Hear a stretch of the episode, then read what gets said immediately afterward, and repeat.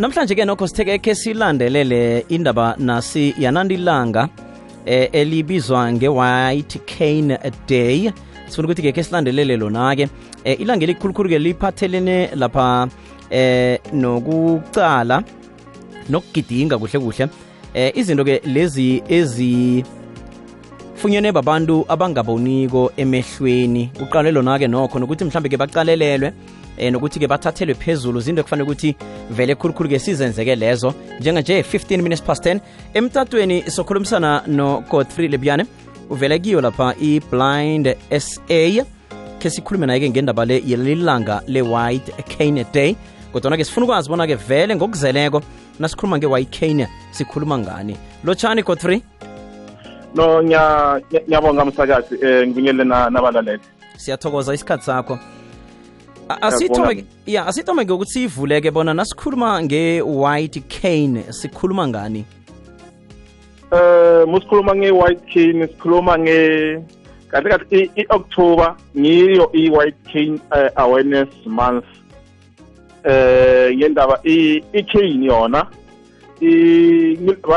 bayibona ngathi induku lokuthi isebenzisa kubantu ukuthi ababoni emehlweni blind and partially sighted.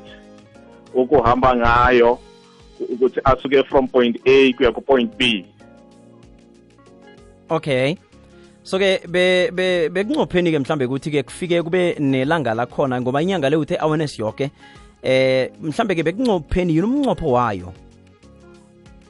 Afis eh asiqale ke mhlambe i-purpose yayo ke ilanga leli ke namkha i-awareness yenyanga le ye-white cane oh, oh, oh, okay. Eh ilanga lethu eh as blind SA Mpumalanga. Eh si choose ilanga le 7 eh October. Kuthi ngilo langa lapho siyo celebrate ngayo siyoba ne white king rally khona lapha eBombela.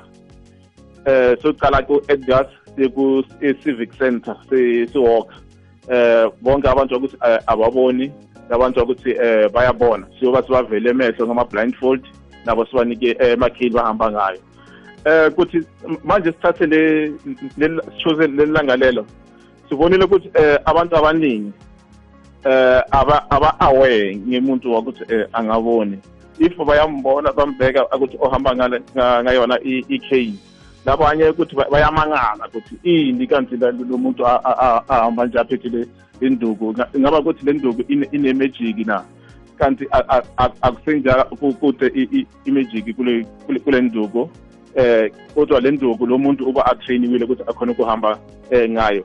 So that's why siyenza le awareness leyo ukuthi wonke umuntu akhona uku-understanda nge-cane ukuthi cane i-assistive device yabantu bakungabona okay.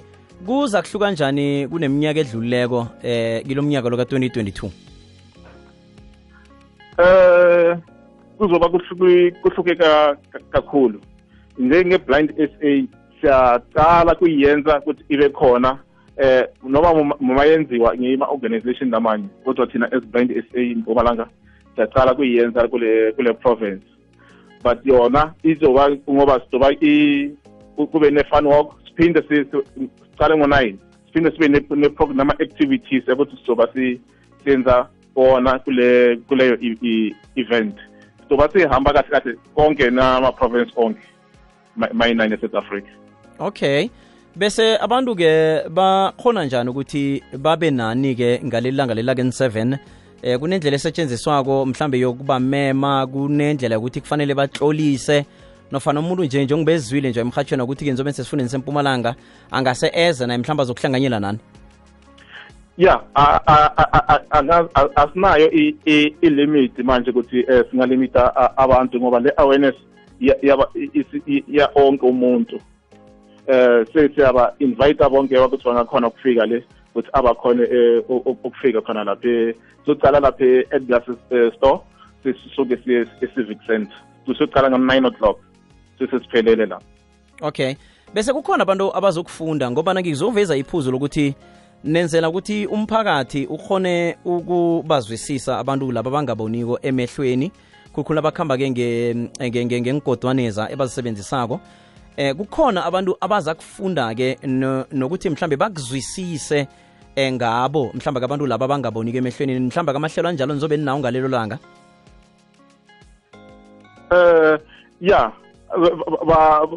ba- bangakhona ukufika sesikhona ukuba assista kumbe ba ba- ba- bangithole ngidoshiye am- amanamba yami ukuthi sikho- sikhone u- u- u- u- ukuchumana nawo okay ngiba ukuthi ngijike ngapha-ke bese-ke sokuragela phambili sakuye sisonge nasengibuya okay ngiyabonga.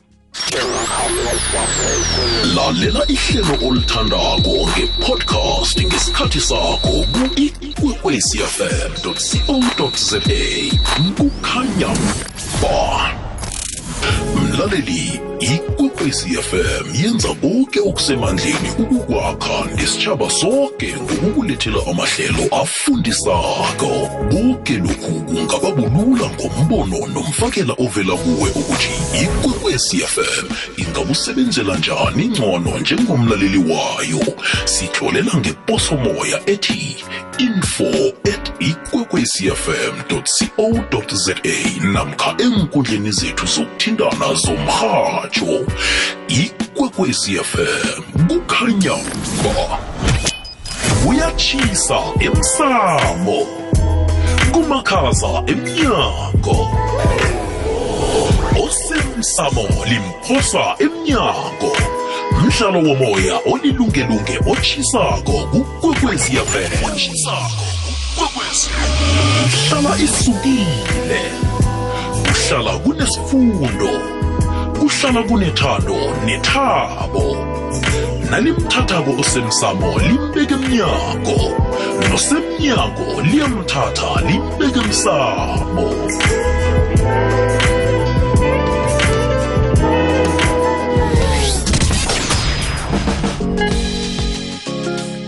Tuzuke nje imasumi amabili nomzuzu munye ibumbene isimbi kungesumi sikaphathi kwehlelo ngimnawe emrhatsho yikwekwezi fm ngephimbo lika-arvuna kanti emtatweni ngikhambisana no-godfrey lebyane uvela kiyo lapha i-blind sa sicale nje lapha nanilanga eh, elibizwa nge-white cane day eh ngendlela yakhona.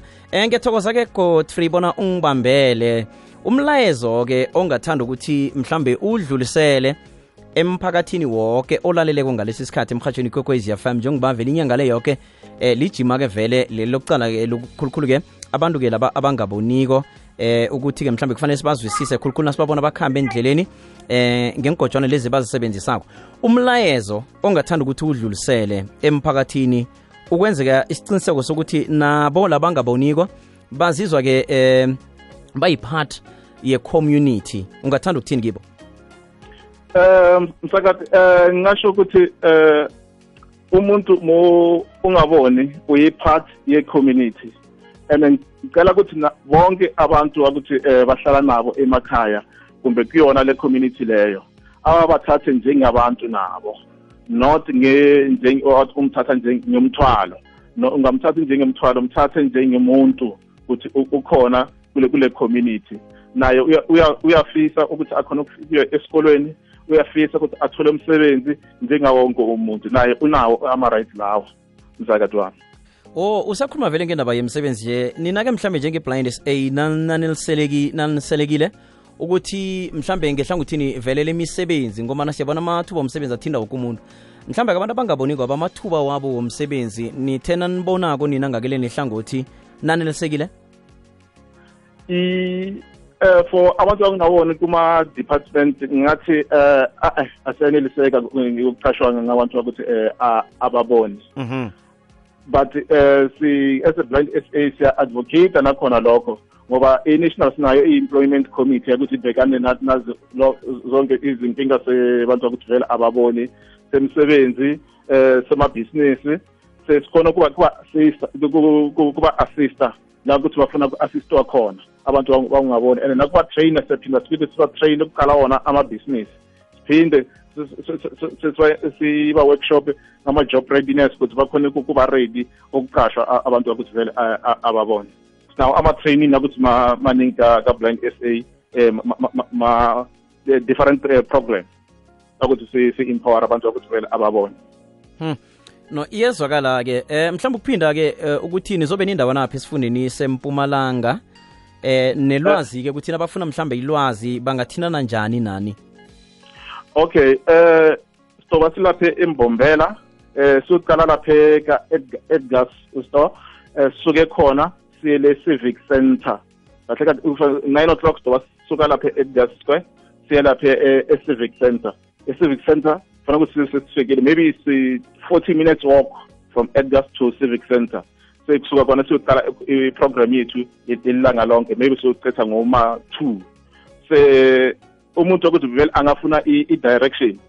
So amanamba yami mathi 060 060 629 629 47 47 13 13 yeah. Okay. No. It's 060 629 47 13 so bangahlangana nabo bangifonela sizakhona kubanika eh, ma ma direction ukuthi bangafika kuphi. Nabantu ukuthi vele bafuna ukuya e- es- esikolweni but abanawo i-information yokuthi banga-assista kanjani abantwana babo ukuthi baye esikolweni sikhona esiblind s a kwa-assista lokho. Okay no. Sithokoze khuluma godfrey msebenzi emihle eniyenzako lapho ku-blind say no ngiya- ngiyabonga kakhulu msakathi nabalaleli. Aha.